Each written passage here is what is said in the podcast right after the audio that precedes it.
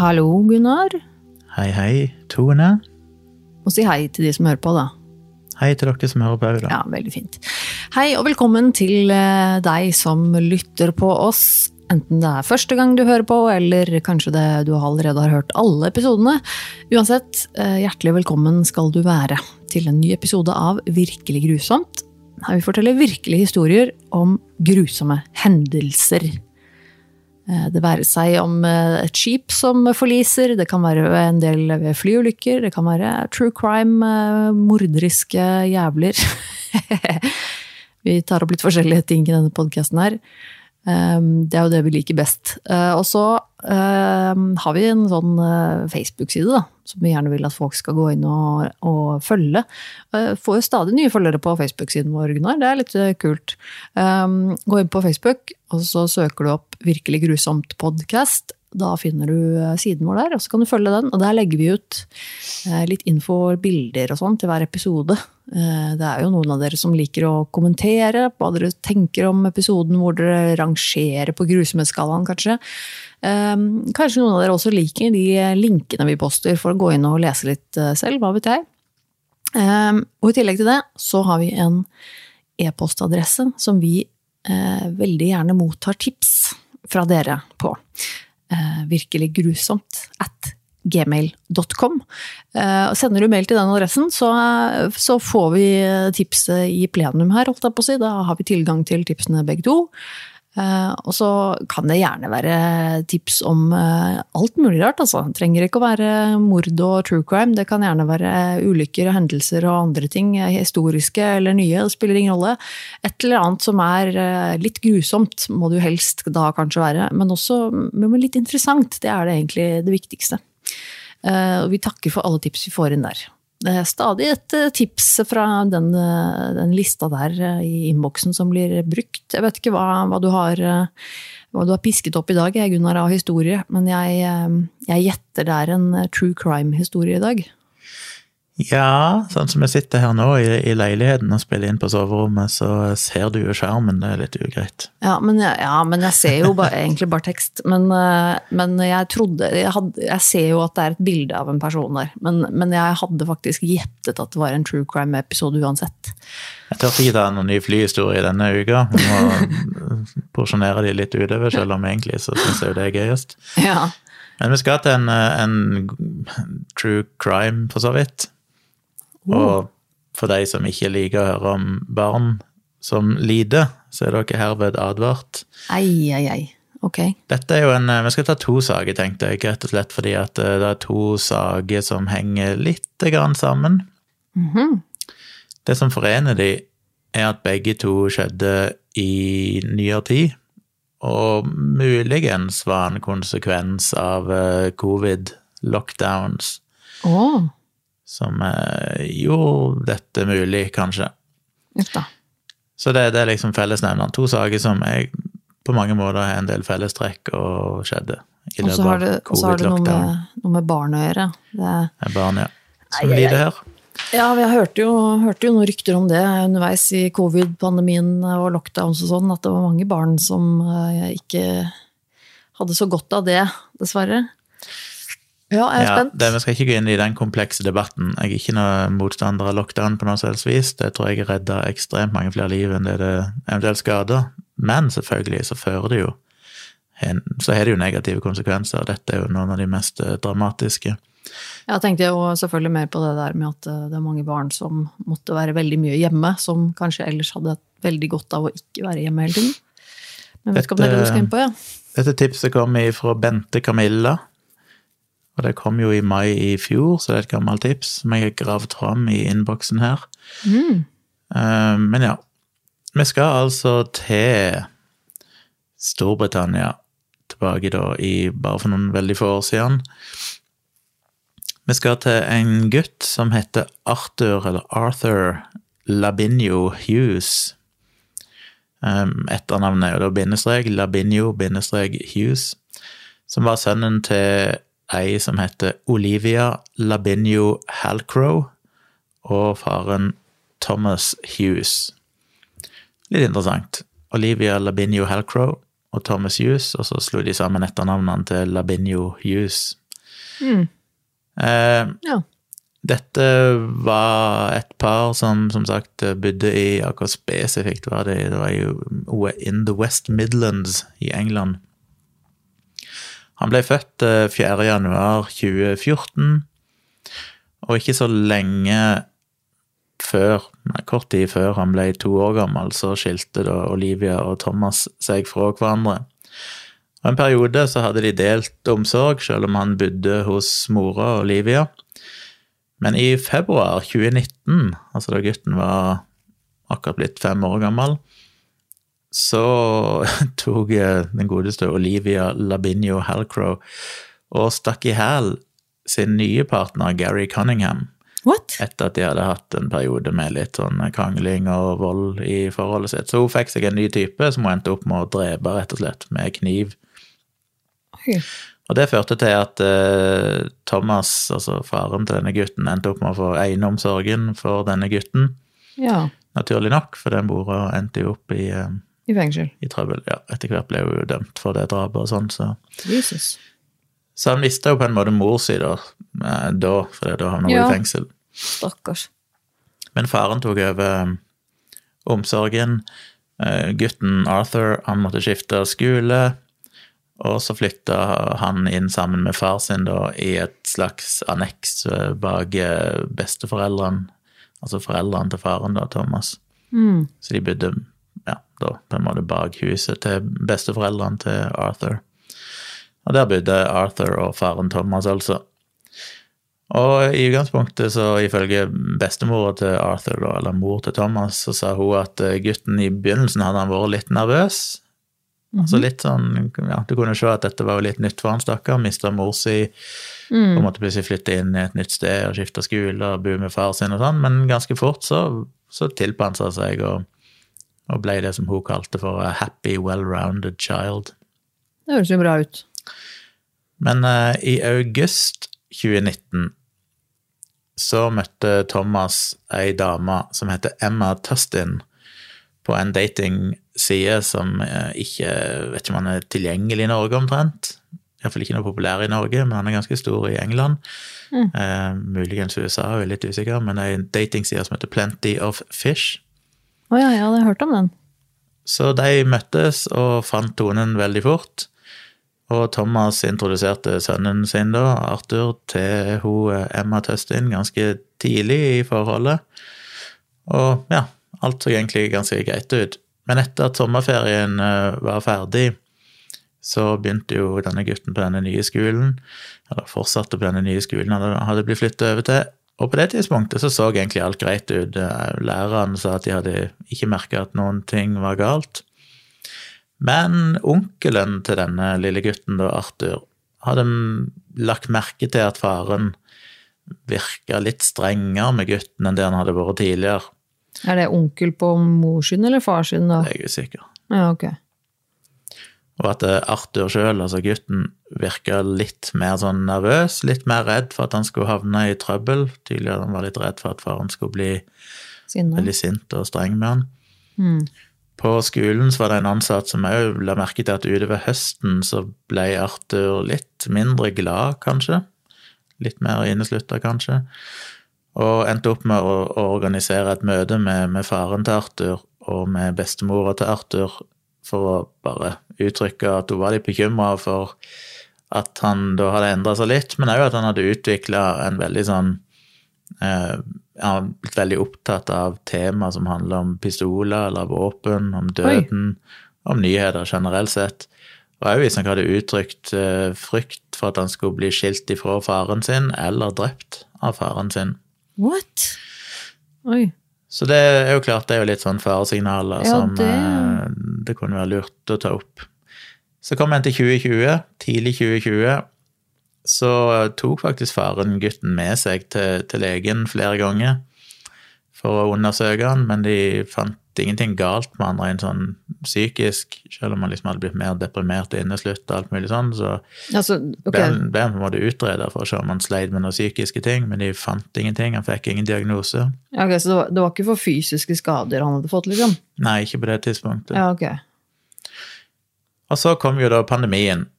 I Jeg vet ikke når han kom i, men kanskje i mars uh, i Storbritannia òg. Mm. Uh, der ting plutselig ble stengt, og skolene ble stengt og sånn. Og i starten så var uh, disse to, da, både Thomas og Arthur, de hang veldig mye i huset til hun dama hans, hun Emma Tustin, bodde egentlig der.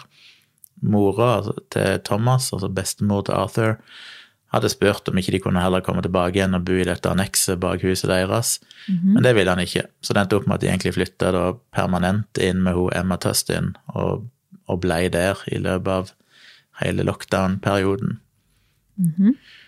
Og det er jo for så vidt forståelig, for det, under lockdown så måtte du holde deg et sted. Og du Ja, kunne ja. ikke besøke andre, så hvis du nettopp har fått deg en ny dame, og sånn, så skjønner jeg jo det at eh, hvis ikke han bor der, så får han heller ikke treffe dama si, liksom. Nei, og så kan man jo. Og så kan man argumentere med at det er kanskje like greit at de ikke bodde sammen med hans foreldre, hvis de var litt eh, eldre og litt så, mer sårbare for smitte og sånne ting, så kanskje det ikke var så dumt. Og, ja. Så er vi i april 2020. Da valgte Thomas å reise tilbake igjen til, til leiligheten sin, eller det annekset der han bodde, fordi han hadde hatt en eller annen krangel med hun Emma Tøstin, så de ble der noen dager. Han og sønnen? Ja. Ja, okay. Og mens han var der da hos eh, foreldrene sine, så sa Arthur, altså gutten, at på et eller annet tidspunkt så hadde han blitt klemt opp mot veggen av hun Emma Testin, og at hun hadde kalt han for a horrible, ugly brat. Nei. Og bestemor hadde òg funnet en del blåmerker på ryggen hans. Men det var ikke så lenge etter det, så reiste de allikevel tilbake igjen til Emma og bodde der igjen.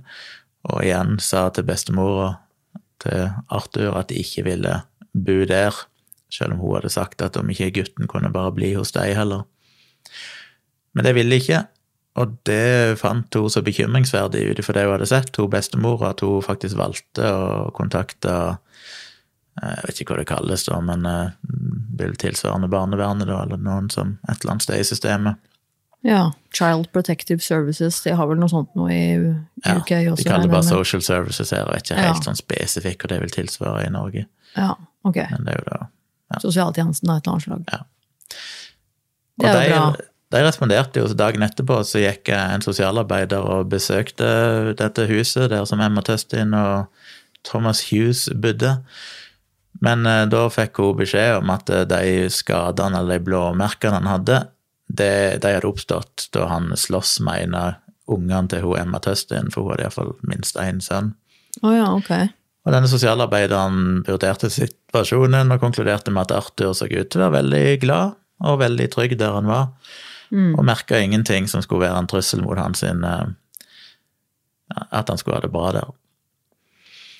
Seinere, på et eller annet tidspunkt, tydeligvis, muligens, eh, ja, det kom iallfall fram da at faren, han Thomas, han har seinere sagt at hun Emma Tøstin selvfølgelig da fikk disse guttene, både sine og Arthur, til å, nei, Arthur, ja, til å lyge om det som hadde skjedd, det var, for det var jo ikke noen slåsskamp, men de hadde da løyet om det, hadde fått ungene med på det og si at nei, vi bare slåss og sånn, og hadde advart Arthur om at, eller advart eh, Thomas om at eh, de ville miste ungene sine hvis ikke òg han valgte å, være med på den løgnen.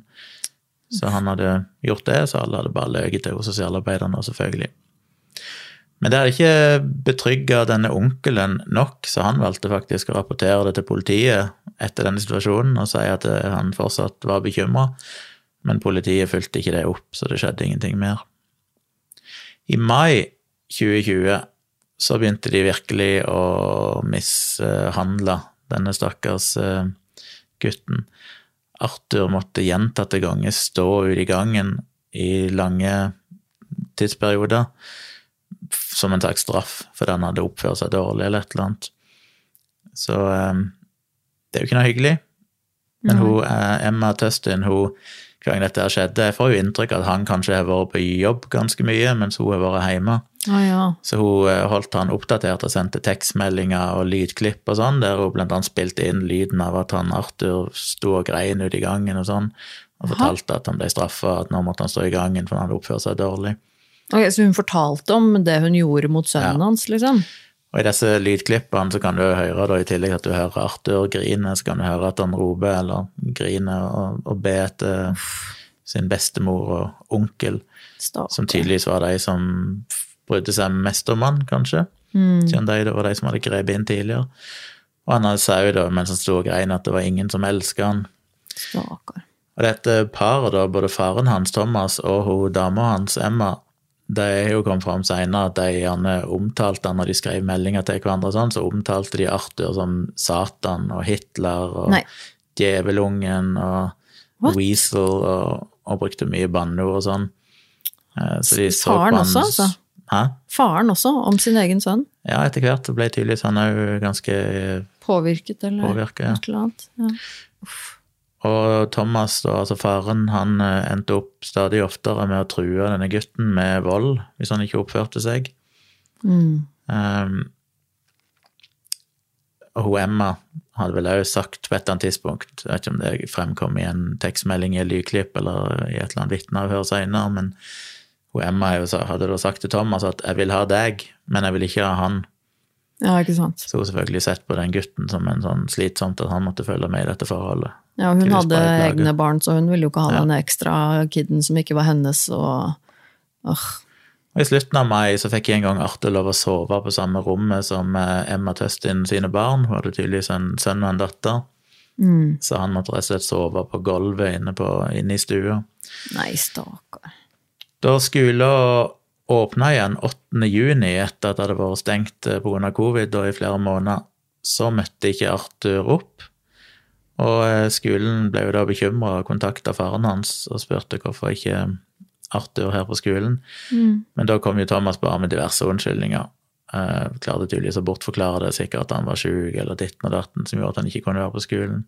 Mhm. Dette paret da, de valgte jo faktisk å installere et overvåkingskamera hjemme hos seg sjøl okay. for å kunne følge med på Arthur mens han eh, ble på en måte holdt litt i isolasjon og vekke fra de andre, enten det var i gangen eller andre plasser. Jesus. De fant jo blant annet at eh, i løpet av ja, og disse opptakene fra det overvåkingskameraet det ble jo tatt av politiet seinere. Ja.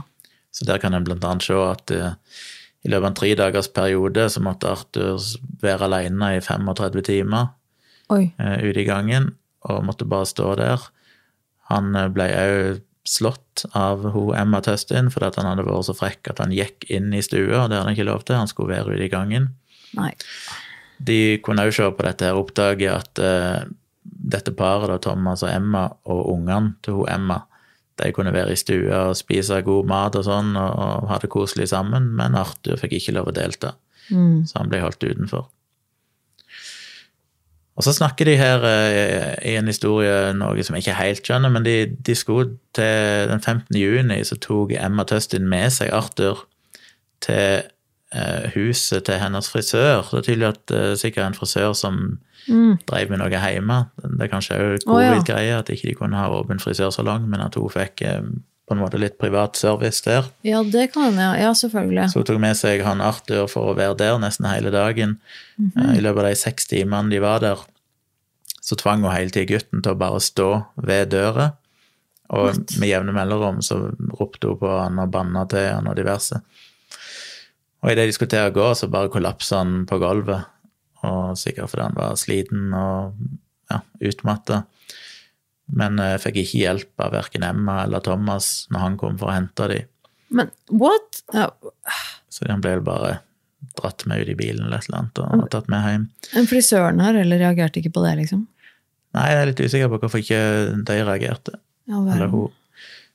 Eh, Men senere på den kvelden så gikk jo Thomas løs på beina til Arthur med et belte og liksom piska han og sa at eh, Og sa, sa til kjæresten sin Just end him. What?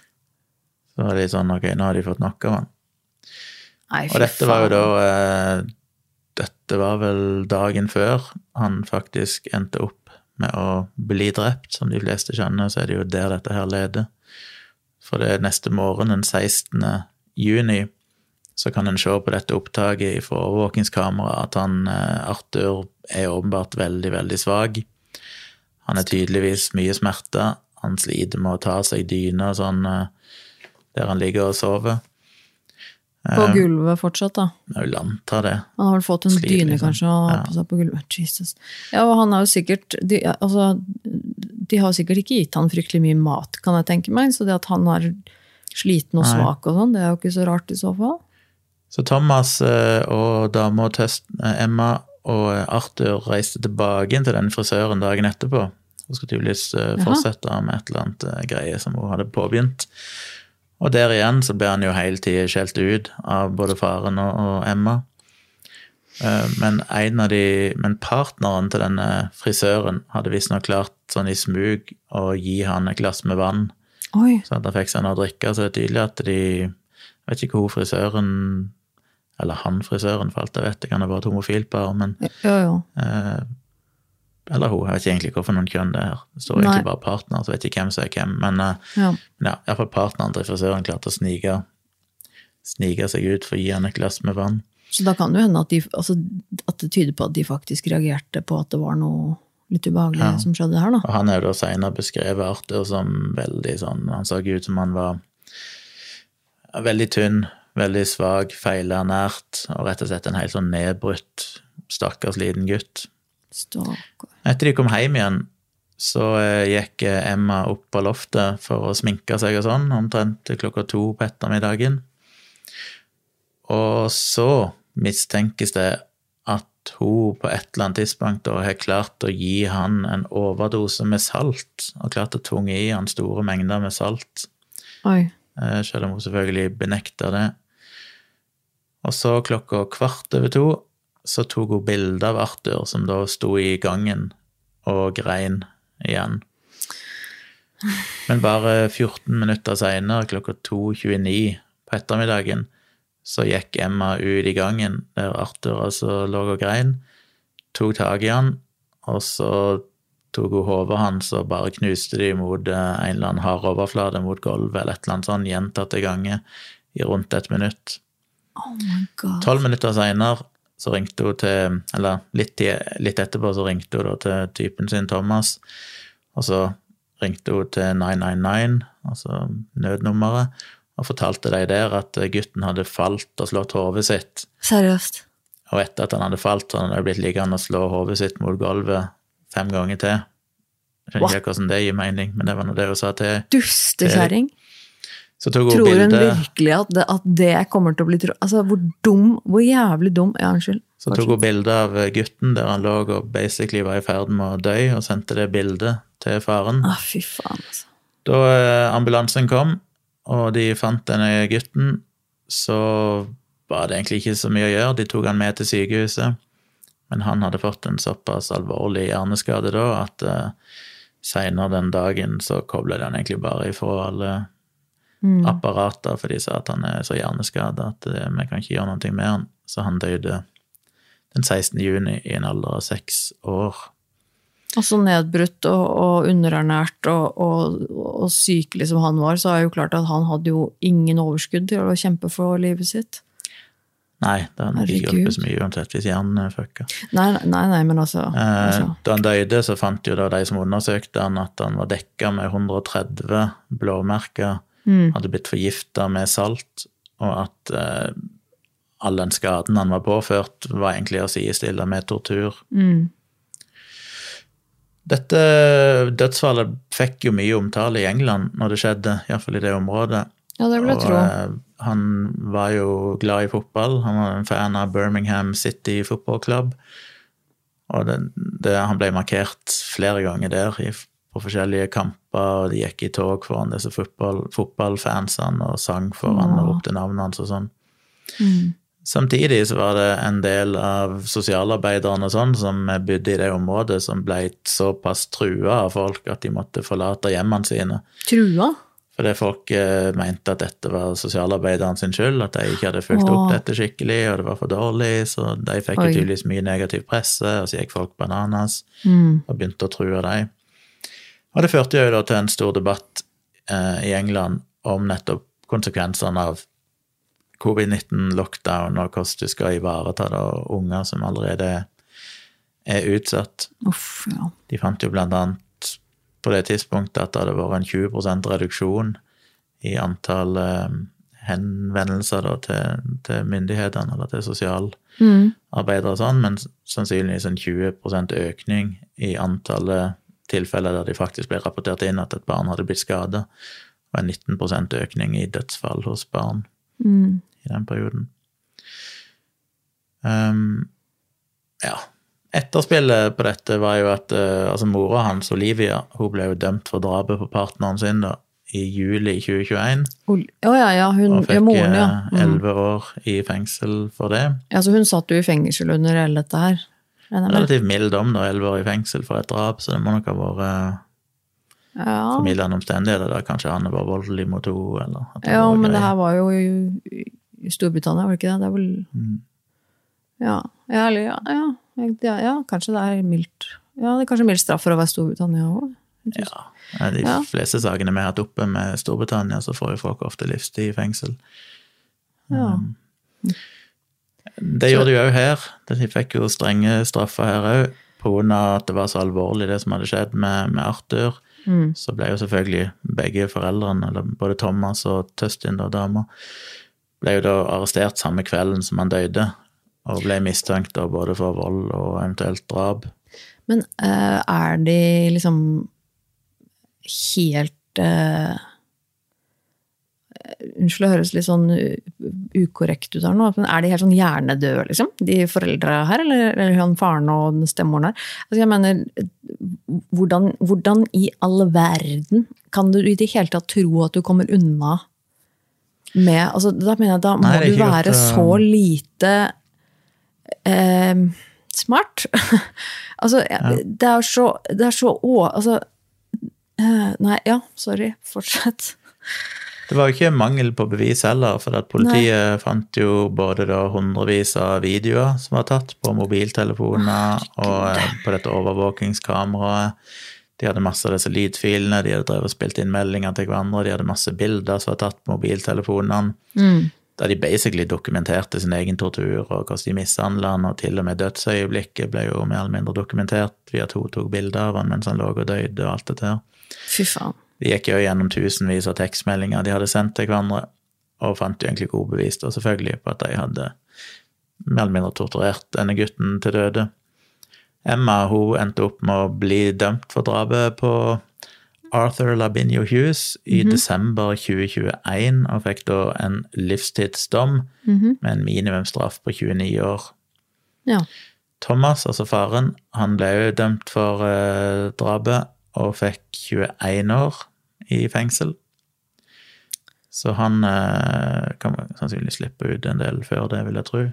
Var det hun eh, stemor fikk, sa du? Mange år? Minimum 29 år, men 29 ellers livstid i fengsel. Ja.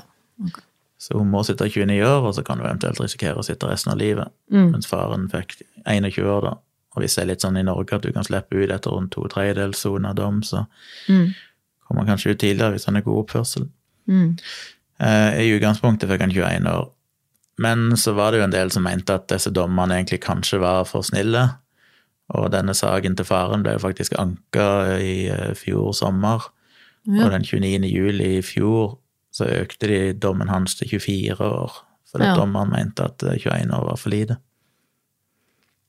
Mm. I etterkant av denne dødsfallet så er det jo da blitt eh, gjort ble lansert rett og slett nasjonale eh, granskinger av konsekvensene av lockdown på nettopp disse ungene og, og barnevernet i England, og hvordan de hadde håndtert ja, denne saken, eller disse sakene og alle andre sårbare barn. Um, så det var den ene saken. Den andre litt Er det en sak til, ja? men det er jo en ganske lik sak. Å nei. Og den er kjent som eh, Murder of Star Hobson. Og Star Hobson var ei lita jente som ble født 21. mai 2019. Foreldrene var Frankie Smith, som er mora, og Jordan Hobson, som var faren. Hun ble født i 2019? Ja. Ok. Eh, mora Frankie hun var bare 17 år da hun fikk han. Det var vel én måned før Oi. hun ble 18 år gammel, så hun var veldig ung. Ja. Og ble senere vurdert av noen psykologer og sånn til å ha en IQ på rundt 70. Oh, ja, okay. Hun var veldig, veldig medgjørlig, veldig underdanig, stort sett gjorde det andre ville hun skulle gjøre. Ja. Hun var veldig lett å manipulere, veldig lett å få til. Og ja, i et forhold og sånn, så er det lett å få til å gjøre det du vil. Mm. Og hun skal visstnok ha lekt med dokker sånn helt fram til hun var 16 år gammel. Så Ja. Ja.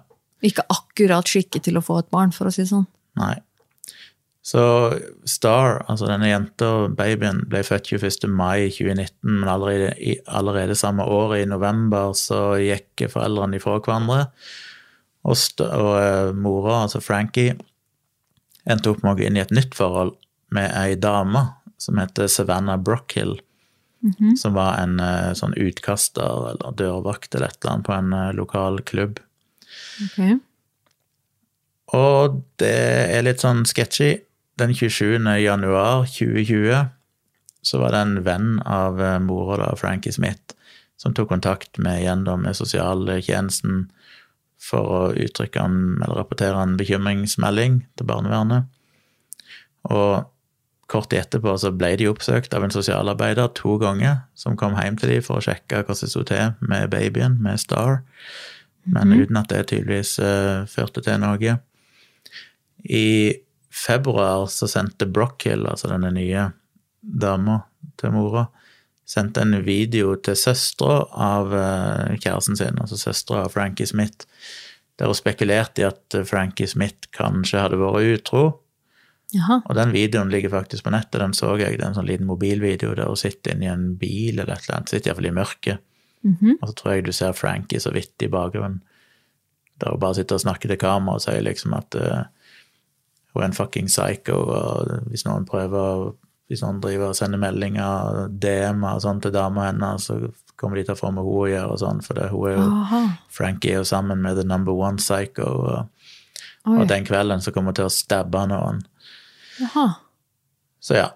Men det skjedde ikke noe akkurat da.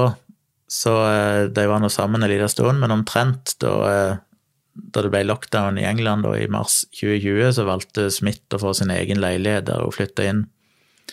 Og Brockhill behandla jo ikke spesielt bra. Hun var visstnok voldelig mot henne iallfall to ganger i løpet av mars.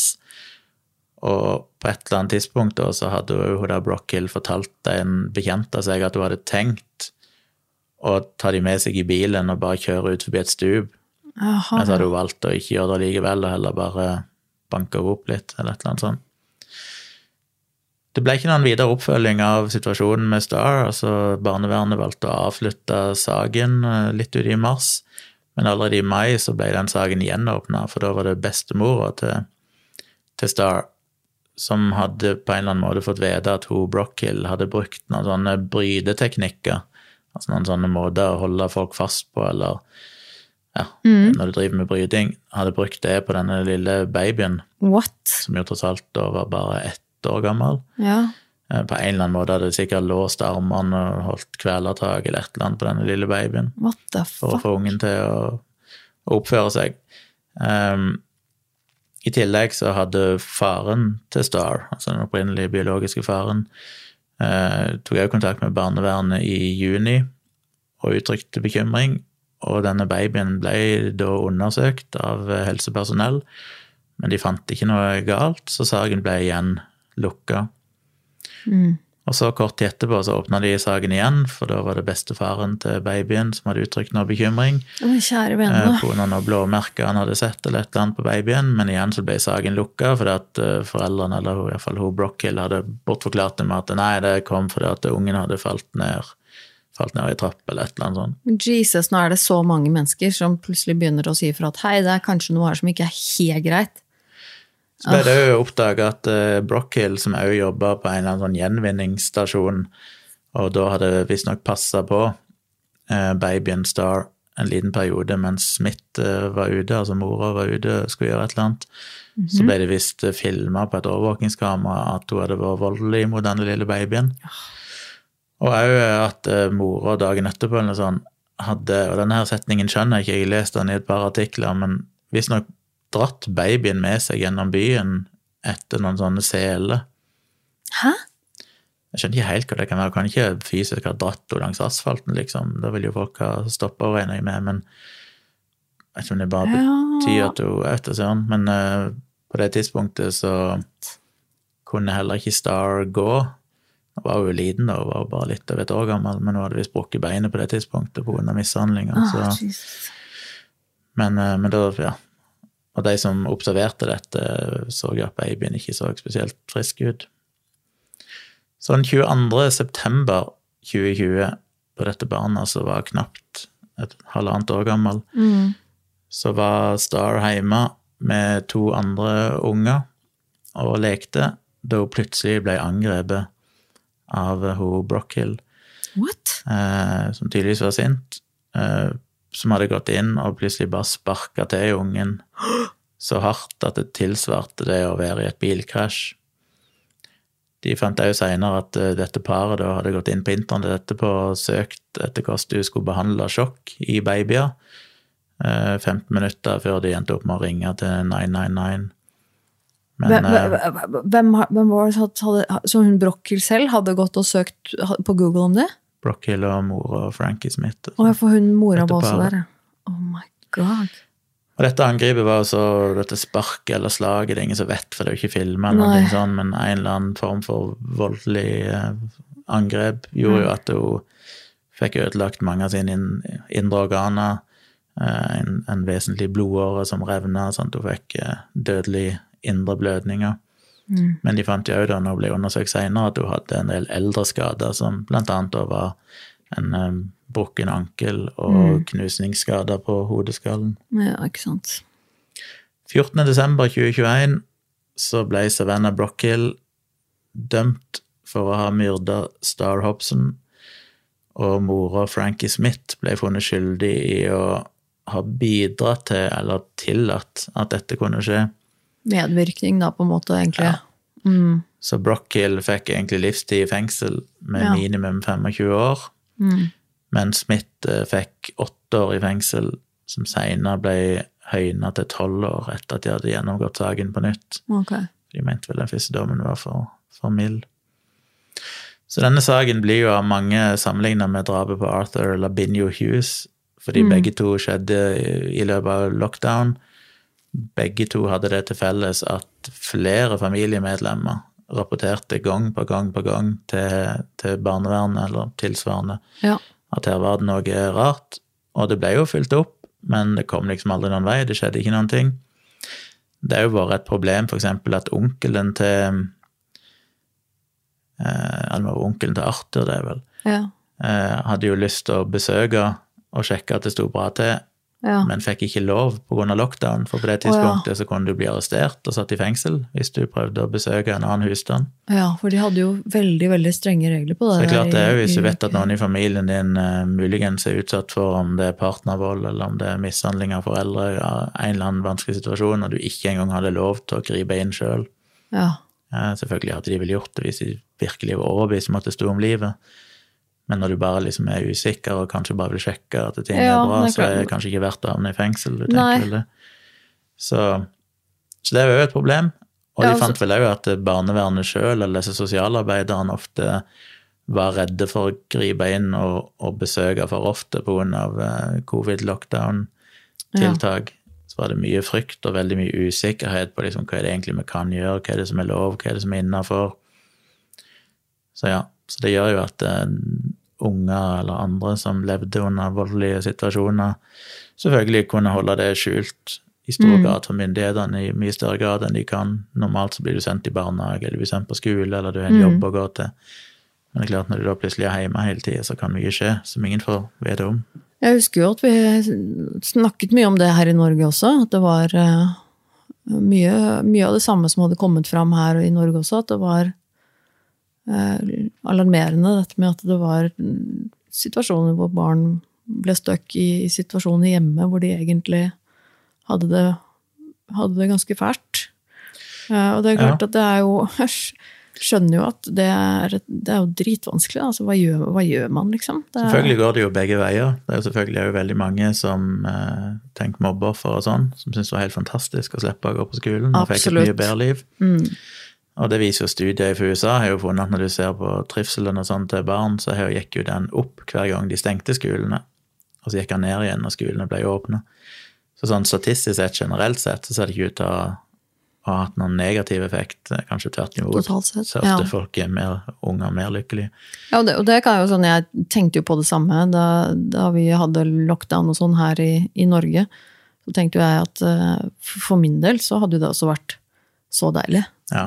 Jeg hadde, Sånn introvert, usosiale, delvis mobbeoffer. Er ja, i jeg hadde ikke- det jo helt forferdelig på skolen. Jeg syntes det var grusomt, og jeg gruer meg til å gå på skolen hver dag. Så det å på en måte da kunne få lov til å bli hjemme hver dag, det hadde også vært en voldsom lettelse for min del.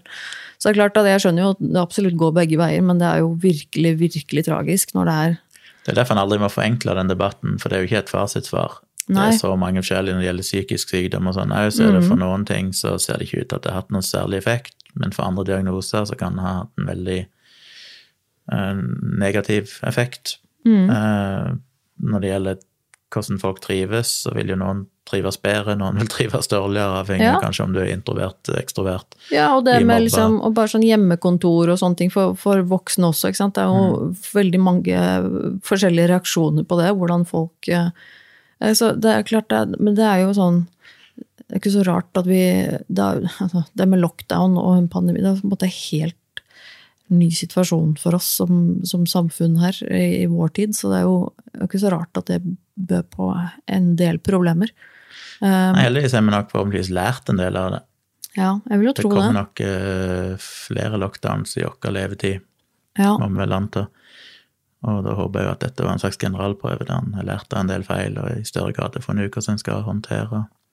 Men jeg skjønner at det her at det, Men hva Ja, hva gjør man altså, Jeg tenker jo på sånne situasjoner som de to historiene her. Da. Her hadde du jo faktisk um, pårørende eller familiemedlemmer eller sånn som, som sa ifra. Men det fins jo tilfeller også altså, hvor det ikke er noen som sier ifra. Hvor de ikke har noe nettverk som, som kan melde fra. Og hva gjør man da, liksom? Det er jo Altså I en sånn situasjon mm. med, med lockdown, eksempel. Altså sånn, jeg, vet ikke, jeg vet ikke om noen god løsning på det. Altså, hva, hva, hva kunne man gjort om det Nei, altså, det er jo et evig dilemma. Det har vært mye diskusjon om barnevern og sånn i Norge òg. Eh, barnevernet er uhyre viktig, men selvfølgelig svikter det òg. Mm. Eh, og det er jo sånn i disse sakene her òg, for her fulgte de jo tross alt opp, virker det som. Ja. Stort sett så kom de på døra og sjekka. De gjorde til og med uvarsla besøk for å sjekke at alt er i orden. Mm. Men det er klart, hvis, du, hvis ungen er blåmerka, og du sier at nei, men det var ungene som sloss, eller nei, ungen snubla og falt, så skjønner jeg jo at det er et dilemma. Du kan ikke bare automatisk anta at nei, det er fordi du har banka opp ungen din, liksom, for det virker jo veldig fjernt. Ja, og hvis denne ungen faktisk bare har tryna og, Ja, og vært Det er ikke uheldig vanlig at ungen skal til seg. Nei, nei, ikke sant? og, og da ungen faktisk har tryna, og, og, ingen foreldre eller noen andre har gjort noen ting galt, men så får de kanskje mistanke eller beskyldninger mot seg om at de har mishandlet ikke sant? Det er jo helt forferdelig, det også.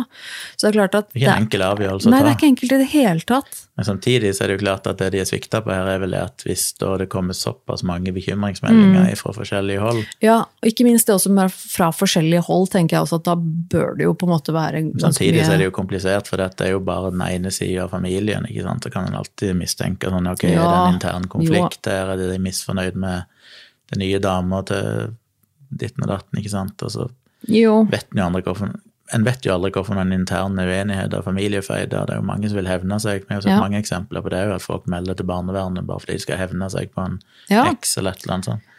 det er klart det. Men jeg tenker jo i de tilfellene der så har det jo ingen som taper på at man får litt ekstra oppfølging, kanskje, da. Nei, jeg kan for lite om det, hvordan de følger det opp. Ja, du kan ikke bare ta ikke, ungen heller. ifra de sånn uten videre. Nei, uten nei, nei. gode bevis Det skjønner jeg. Det skal jo heldigvis sånn sett mye til da, før det på en måte Men Eh. at de bør kanskje beordre en form for jevnlige kontroller, jevnlige sjekker. Og, sånn. og det er mulig at de gjør det i mye større grad enn ikke det er lockdown, men det er jo det som er litt av problemet her, da, at de Mm. turte ikke å ha mer fysisk kontakt enn det de måtte, fordi det var så strengt å møte folk. En annen spesiell ting her er jo også at begge to ble drept av sine stemødre. Ja, det er jo en ting som blir nevnt, at begge ble drept av den nye kjæresten til en av foreldrene. Ja, ikke bare den nye kjæreste, men også at det er kvinner. Ja. Eh, Det er jo færre kvinner som dreper enn menn. Eh, Det er jo ganske Men jeg lurer på åssen Jeg vet ikke om du vet noe om det? Åssen er statistikken på I de tilfellene hvor det er kvinner som dreper, er det Eller eh, for å si det på en annen måte, i de tilfellene hvor det er barn som blir mishandlet og drept, er det, er det noe overvekt av, det, av enten både kvinner eller menn som er den overgriperen, som er på en måte draps... Lurer litt på Nei, det vet jeg ikke. Bare, ikke nødvendigvis veldig viktig, men jeg bare ble litt nysgjerrig. Altså, det er jo litt forskjellig de sakene i det at han Arthur, som du sa, det er jo veldig rart at de trodde de skulle slippe unna med det. Ja. For der var det jo så, altså De hadde jo så mye bevis, og de dokumenterte jo så mye sjøl. ja, og der holder de jo på med dette, denne torturen av Arthur, Arthur over lang tid. Ja. Og ikke minst så virker det jo mer eller mindre planlagt at han skulle dø. Når de også sier på en måte uh, 'get rid of him', eller hva det var Mm. han sa til kona eller dama si. Altså, og, da, og da blir jeg litt sånn Men, men hva slags verden er det de da lever i, hvis de på en måte tror at at det bare ikke blir oppdaget. Og, det, og de gjorde jo ikke noe forsøk på å skjule det heller. Det er ikke sånn at de, de tok med seg den eh, døde kroppen og begravde han et sted og prøvde å bortforklare det med at han var bare forsvunnet. Altså, Nei, I begge ikke- tilfellene så ringer de jo til 911, eller Ja. 999, da, som heter i England, uh, umiddelbart og rapporterer det og bare prøver å bortforklare det. Jeg vet ikke hva de Jeg vet ikke dette her drapet på Star Hobson, hva, hva de egentlig sa. Jeg mener Nei. hun hadde plutselig brutale Det er jo, til, det er jo sammenligna jo med at eh, som om hun hadde vært i ei bilulykke i høy fart, og så var det så store skader. det, Men, det sånn, men forskjellen er jo det at her er det jo en sånn irritasjon som har pågått over lengre tid med han Arthur, og at de har torturert han over lengre tid, og, og til slutt og liksom Altså Det er jo helt absurd når du bare plutselig klikker og smasher hodet hans i bakken og prøver å forgifte han med salt og alt det der. jo, men det Men det det med, virker jo enda mer fascinerende med hun Star, det var ingenting der som i utgangspunktet tilsa at de skulle drepe ungen, men så Nei. plutselig har hun bare klikka og gått inn og sparka til henne i magen mens hun driver og leker med noen andre unger, liksom. det er det jeg mener at det er litt eh, er kanskje den store forskjellen her, sånn sett. da, At det drapet på Arthur, det virker jo litt eh, planlagt. Altså det er noe de har på en måte ikke bare tortur, men de har også tenkt på det og på en måte mer eller mindre snakket om det en stund. Begge to at de vil egentlig bli kvitt han, på en måte. Men i dette andre tilfellet så kan det jo virke som om det skjedde i affekt. At, at denne eh, Savanna, denne stemoren, eh, ha- hadde, at hun ikke klarte å eh, styre disse veldig fucka følelsene sine på et eller annet vis. Sinnet sitt et eller annet, altså, som gjorde at hun Ja, stadig ble jo- sinna. Og som, det, for det kan jo det, Ja, og det kan jo virke som om eh, uten at jeg vet noe mer enn det de lille du har fortalt nå, så, så høres det ut for meg om at dette her er noe som kan ha skjedd i affekt. At hun da på en måte plutselig blir eksploderende sinna og bare få for seg at nei, fuck den ungen, og så bare sparker til den ungen, liksom. I affekt der og da. Og så kan det hende at man blir litt etterpåklok og bare å, shit, det ja, Oi, da. Uh, fuck, åssen fikser vi dette her nå? Det var kanskje litt uh, drøyt. Og så prøver de å google litt, og så nei, vi må ringe. Ikke sant? Jeg synes jo det Um, er veldig vanskelig å, å forholde seg til mor òg, da. Hun Frankie Smith. Mm. Hun, hun fikk jo en, en vesentlig mildere straff, da, endte vel opp med tolv år til slutt. Men jeg mener, hvis du har en IQ som er så lav, så er du vel mer eller mindre ansett for å være eh, psykisk Eller hva heter det, utviklingshemmet? Altså, Ja, det er det jeg lurer på hvor tilregnelighet kommer inn her, når du er så liten Ja. IQ. Men det er jo det at hun helt åpenbart selvfølgelig var veldig ung. Eh, Hun Ja, var ja. 18 år gammel når dette skjedde, og fikk ungen hun var 17. mm, Og var veldig lett påvirkelig, og tydeligvis ble sammen med ei dame, ei lesbisk dame som var liksom dørutkaster og veldig sånn Drev og trente boksing og veldig tøff, tydeligvis. Sikkert veldig dominerende. hissig type, ja. Ja.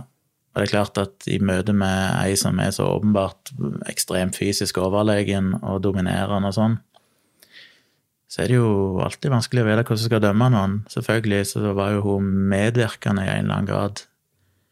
Men hun var jo uansvarlig. Det kom jo fram at hun ganske kort tid etter hun fikk den ungen, og sånn, så lot hun andre passe ungen fordi hun skulle ut og feste og drikke og sånn med venner.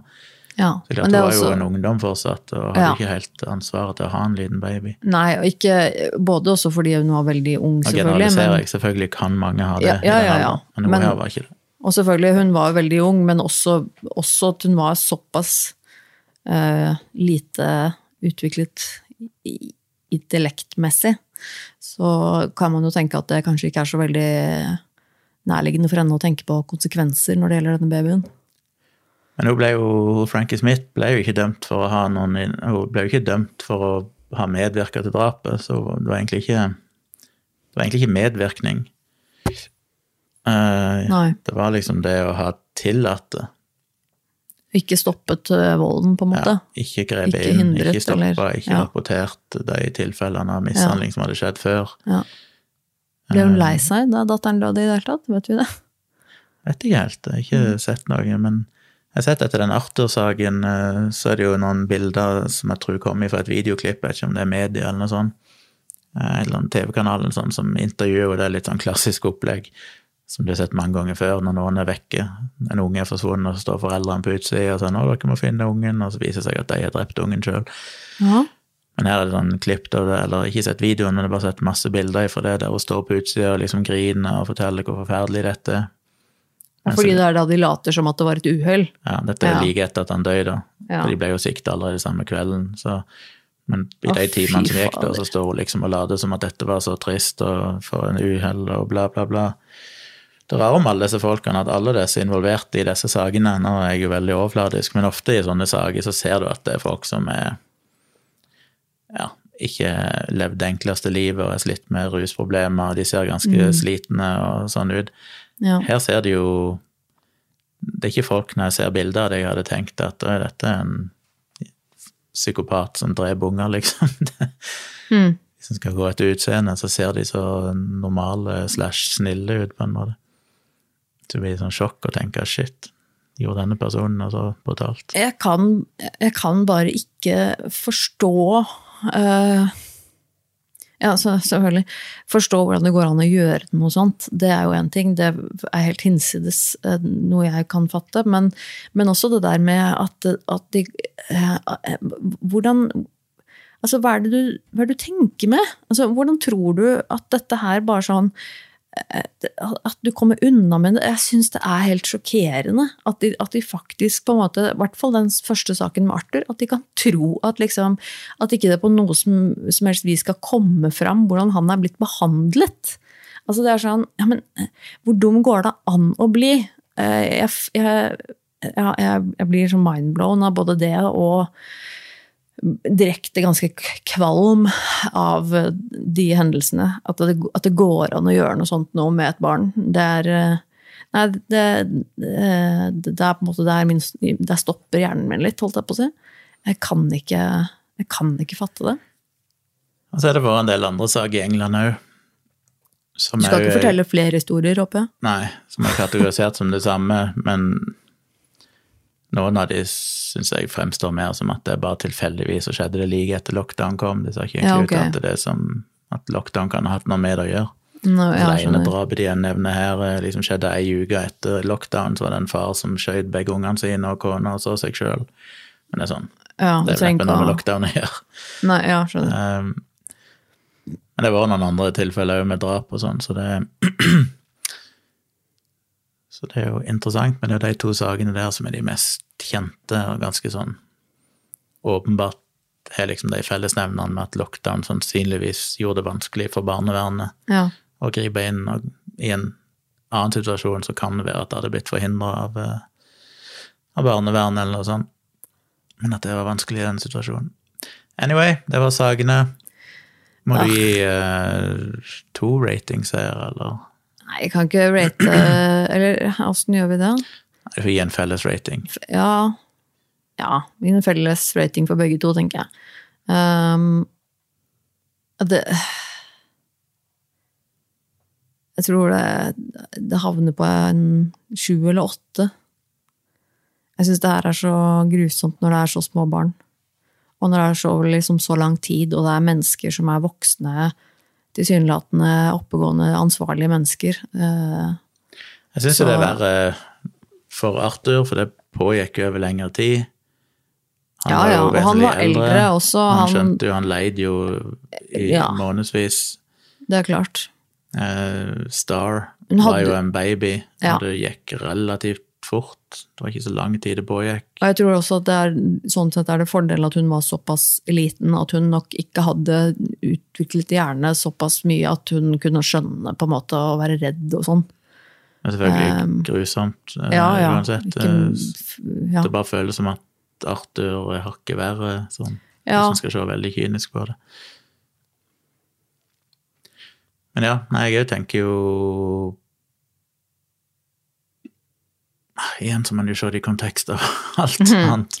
Nei, jeg sier åtte. ass. Jeg synes det, jeg får så vondt i magen. Jeg syns det er så grusomt at det, fins mennesker som kan gjøre noe sånt noe mot et barn, og, ikke bare én gang, men mange ganger, og, og såpass mye at det, dette barnet dør, og så ikke på en måte eh, og så tilsynelatende ikke føle noe, liksom ikke bli lei seg, ikke bli eh, Nei, det er bare så, det er så ondskapsfullt. Eh, at det, det gjør meg kvalm, liksom. Jeg klarer ikke å altså, med tanke på alt vi har sagt tidligere, så Mye av meg som kunne sagt at dette er seks på skalaen, fordi det er tross alt bare ett offer i hver sak, sammenlignet med tidligere, der mange unger har blitt torturert og drept over lengre tid, og bla, bla. mm. Eh, jeg vet ikke, men samtidig så blir jeg så forbanna Ja, jeg også. når det er sånne saker, at det, Jeg, ble, også jeg, jeg jeg, gir blir- en sjuer bare fordi jeg er så forbanna. ja, Uh, jeg også kjenner at jeg, jeg blir sånn. Jeg blir så kvalm av, av sånne folk, og, og, det, og gjør sånn det, eh, også, også Ikke bare liksom selve hvor jævlig grusomt det er å gjøre, men også blir jeg eh, forbanna eh, på hvor jævlig dumme de er. Altså, sånn, jeg, kjenner jeg blir Men frustrert det går jo igjen i så over mange av sakene vi har hatt. Det der, Hvordan i verden trodde de at de skulle komme unna med dette? Jeg noen, og så er de det ingen plan om hvordan de skal prøve å bortforklare. Tror de at ingen bryr seg fordi at noen er død, liksom? Ja, det bare sånn Skal bare livet gå videre? Ja, nei, jeg jeg så ufattelig. Det er sånn, ja, nei, jeg vil være sammen med kjæresten min, så derfor drev meg en eller annen person, og så tenker de at ja, da kan du sikkert leve videre lykkelig med kjæresten din, og ingen kommer til å bry seg. Men har du ikke tenkt noen ting framover? Nei, jeg, jeg skjønner ikke. Jeg, syns jeg jo egentlig mest av alt synd på hun Frankie Smith. Jeg klarer liksom ikke å bli forbanna på hun. Hun virker jo bare som et offer oppi det hele sjøl, hun mora til, til Star Hobson. ja, Hun er så ung, hun er åpenbart ikke Ja. Nei, det er tragisk i seg sjøl, egentlig. Ble totalt manipulert og trua. Hun må jo ha vært redd òg når damer drev og sendte ut disse videoene og trua alle andre med at de fikk ikke lov å ta kontakt med Nei, jeg tror ikke hun har hatt noe greit sjøl, så det er nesten en tragedie i seg sjøl. Så jeg syns Mm. nesten at tolv år er for strengt uh, i hennes tilfelle. Ja, det er litt vanskelig å vurdere det her, syns Ja, jeg. jeg kjenner selvfølgelig ikke alle detaljer, men det er nesten litt vanskelig å forstå at hun skulle få en såpass streng straff når hun ikke direkte medvirka til drapet sjøl, og åpenbart var såpass lav IQ og lett å manipulere at det er vanskelig å straffe henne med tolv år for at hun lot dette skje, syns jeg, da. Jeg håper hun får hjelp. Mm. Men det var de sakene. Ja, det er vel ikke så mange, det er ikke så mange sikkert som har hørt eh, denne episoden her heller. Jeg, vet, jeg bare føler at når, Ah, ja, når folk mange får en advarsel, eh, advarsel om at det handler om barn, så er vel i hvert fall halvparten av lytteskarerne som, skal, som ikke Men det er viktig at hvis dere velger å ikke høre en episode, så må dere likevel la den spille en stund, sånn at det blir registrert i statistikken som at Ja, sånn, du har hørt den. Ja, ja. ja. ja men uh, vi, vi, til dere som eventuelt faktisk har hørt hele episoden, så må vi bare si takk for at dere fortsatt er her. Uh, Gå inn på Facebook uh, og skriv litt om hva du syns om episoden på posten, hvis du har lyst til det. Der finner du også noen bilder av disse stakkars barna. Også noen linker hvis noen har lyst til å lese litt og- om disse sakene. Eh, Hvis du har Jeg tror, jeg tror faktisk ikke vi skal bruke bilder av barna. Skal vi ikke det? Jeg syns det blir feil. Jeg tenkte på det tidligere i dag. Vi kan bruke bilder av de som gjorde dette, og så kan folk klikke seg inn på linker hvis de vil se bilder av ofrene, men eh, de er tross alt Ja, men det er greit. Um, om du har noen tips til oss da, om noen andre saker som eh, kan være lik denne, det kan være helt ulik denne, eh, men om det er noe interessant og kanskje noe grusomt, så send oss en mail og tips oss på virkeliggrusomt at gmail.com. Um, og så er det Det holder for dosen min i dag, dette nå, kjenner jeg. Jeg blir så forbanna og kvalm. Ja, vi får runde av, redigere, publisere, og så høres vi igjen om ei ukes tid. Yes. Ha det. Ha det.